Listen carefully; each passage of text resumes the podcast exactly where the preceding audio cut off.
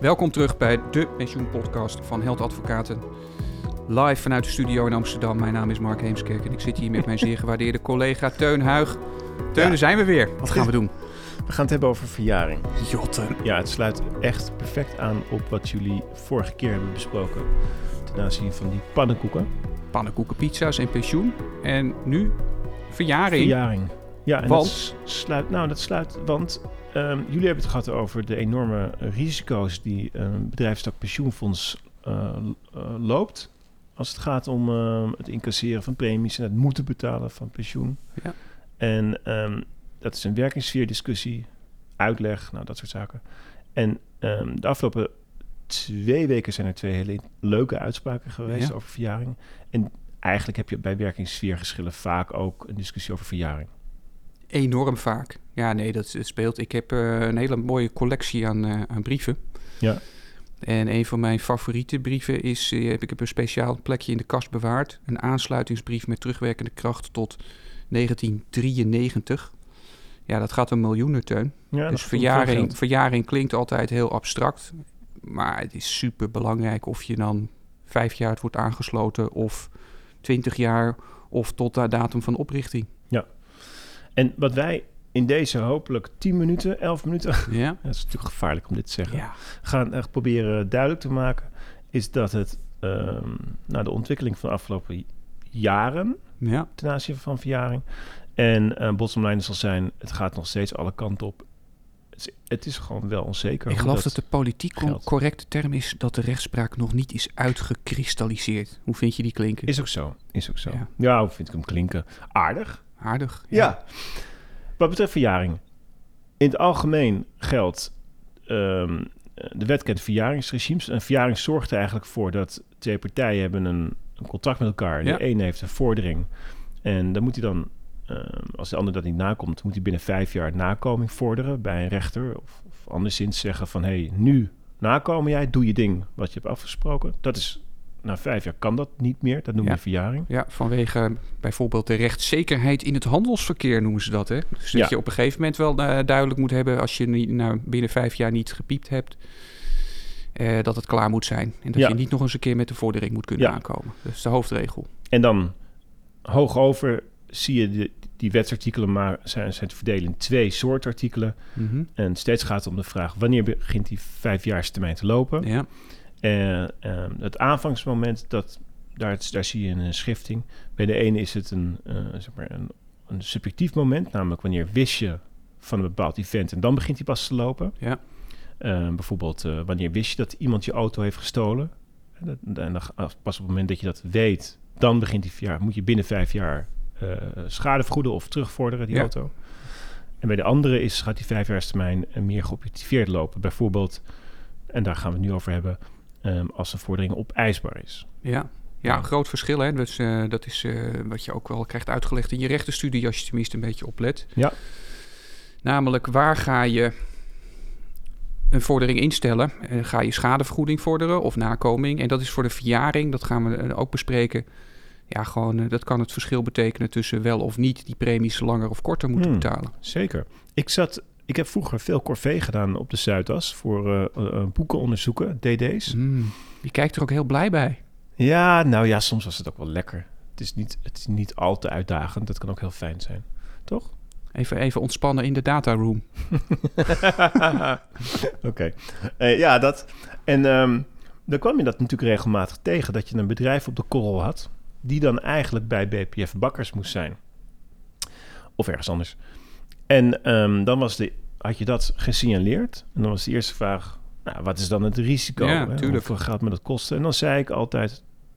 Je hoeft niet verder terug te rekenen dan vijf jaar. Ja. Algemeen uitgangspunt. Ik hoop dat jij dat... Want ik zei dat best wel lang. Heb jij dat ook eh, wel eens zo gezegd? Ik heb zin om nee te zeggen. Sta je weer in je, in je hempie. Nee, nee. Maar Nee, dat was de market practice, toch? Ja. Hè, met name fusies en overnames. En, eh, even kijken en dan de- denk je van... nou, ik heb iets om te vlaggen. Namelijk, ik heb hier een eh, bedrijf dat eh, eigenlijk had moeten worden aangesloten... en dat niet heeft gedaan. Ja. Dan ging je vlaggetje omhoog. Ja. En dan was de vervolgvraag, ja, wat kost het dan ongeveer? En wat, wat is het dan uiteindelijk? heeft het, waar leidt het toe? Dus dat je als werkgever ja, vijf jaar terug moet gaan en vanaf die periode moet gaan betalen over Ja. vijf jaar, dat het fonds eh, wel verplicht is om dus dat pensioen uit te keren van ook tien jaar geleden. Dat hebben jullie vorige keer goed uitgelegd. Ehm, nou, en toen ga ik even wat verder in, in of het eigenlijk meer recente historie, namelijk 2017, Hof Arnhem-Leeuwarden. Ja. Die toen opeens zei, en achteraf denk je, ja, je hebt helemaal gelijk. Ehm, het is niet zo dat het gewoon vijf jaar terugtellen is, vanaf wanneer je er naar kijkt. Eh, maar je moet kijken naar, eh, in ieder geval bij de, in de meeste gevallen, naar het moment waarop ehm, eh, de factuur is gestuurd door het BPF. Ja, wanneer is het opeisbaar geworden? Wanneer is het opeisbaar geworden, ja. En ehm, dat fonds daar, die had in haar uitvoeringsreglement staan dat de- pas kon worden opgeëist 14 dagen nadat de factuur was gestuurd. Ja. Nou ja, het punt is natuurlijk als je in 1990 niet weet dat Pietje Klaasje onder jouw werkingssfeer valt, maar je weet dat vandaag, dan ga je hem vandaag een factuur sturen. Ja, en gaat het over een jaar 1990, maar dat is dus nog niet iets waar je al een factuur voor gestuurd hebt en gaat het dus pas lopen vanaf vandaag, Ja. zou dan het idee zijn. Goed nieuws voor bedrijfstakpensioenfondsen. En een ramp voor die anderen. Ja, en als werkgever dan... En voor mij, En voor jou? ja, ik heb jarenlang iets anders verteld. Dat heet toch voortschrijdend inzicht, Teun? Ja, maar het voelt niet goed. Oké. Nee, maar, maar, maar oké, dan daar, daar, kan, je- daar kan je wel wat van vinden, omdat in dat artikel waar we het over hebben staat... het verjaart vijf jaar na opeisbaarheid. En dan, Ja. en dan ga je eigenlijk nadenken van wanneer kon je voor het eerst feitelijk opeisen. En dat is, nou, dan, dan begrijp ik dat wel. Twee jaar later, 2019, in de, in de Pointerszaak, zegt Ja. Hof Arnhem-Leeuwarden gelukkig... dat hij is hij teruggekomen hè, op, op zijn eh, oordeel. Ja, of is is het nou terugkomen of nuanceren? Want het- ik heb dat ding eh, echt al veertig keer gelezen... voordat ik dacht te snappen wat er ongeveer stond. Snap ik. En dat heb ik net ook gehad. Ja. Ja.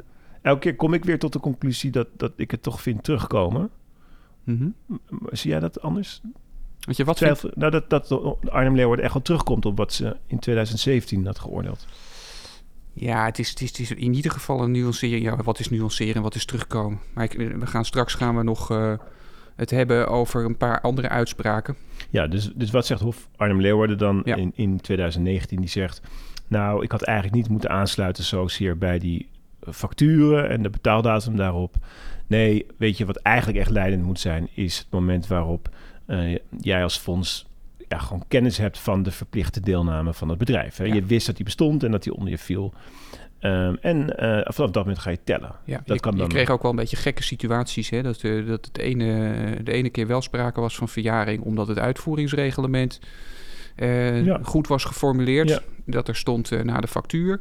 En in andere situaties waren werkgevers weer meer blij. Ja, Omdat er stond nadat de loonperiode is verstreken. Ja, dan is natuurlijk een groot deel wel verjaard.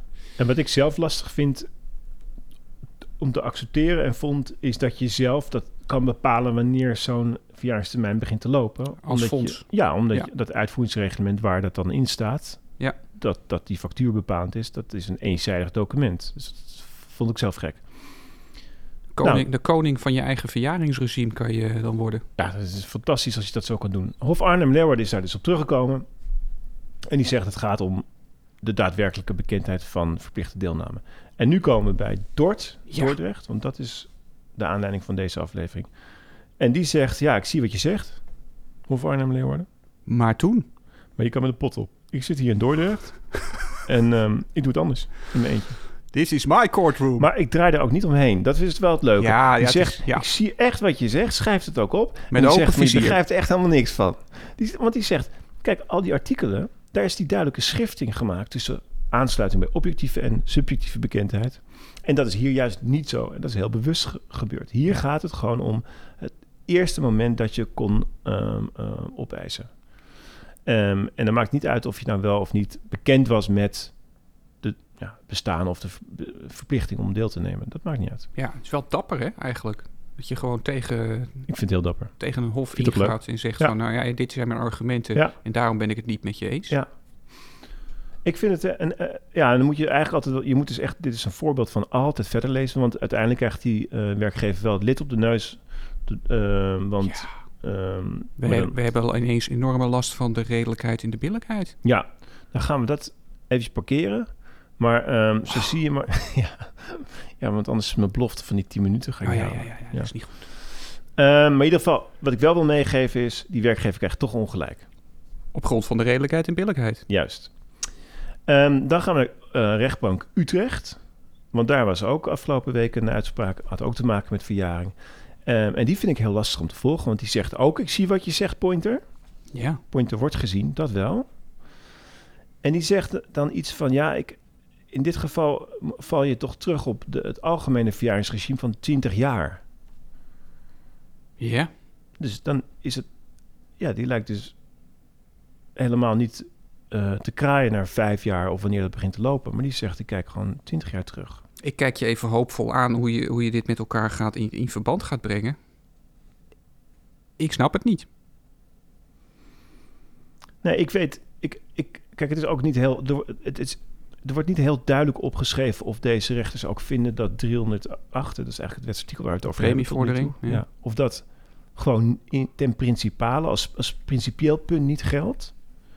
Ehm, en dus dat daarom deze rechter zegt, ja, dus is het eigenlijk ongeregeld. Er zijn geen speciale verjaringsregels. Dus val ik terug op dat hele algemene artikel. Ja, dat is ja. natuurlijk wat het is. En ik, ik denk dat dat is wat de rechters doen. Ja. En dan is het juridisch zou het juist zijn, behalve dat het dan discutabel is of er niet een speciale regeling is. Ja. En anders snap ik er niks van. Mooi.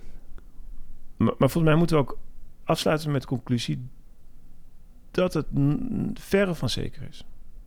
En dat betekent voor ons dat het wel leuk is, want er valt wel wat te beargumenteren. Eh, en het belang is waanzinnig voor werkgevers Ja. en bedrijfstakpensioenfonds. Het gaat echt soms om miljoenen. Ja. En dan hangt het af van dus de, de interpretatie van de, de ene kantonrechter... Ja. die dan misschien wel of niet tegen het hof ingaat. En waarbij die andere kantonrechter, dat is toch ook wel eh, aardig... eh, in een hoog beroep terecht zou komen bij hetzelfde hof. Waarvan Ja, ze zeggen, nou, we hebben het gezien... maar we zijn het niet helemaal mee eens. We zijn er nog niet klaar mee. Wilde jij nog de groetjes doen? Ja, ik wilde heel graag de groetjes doen... Nou, doe dat. maar dat doe ik pas de volgende keer. Kijk, cliffhanger.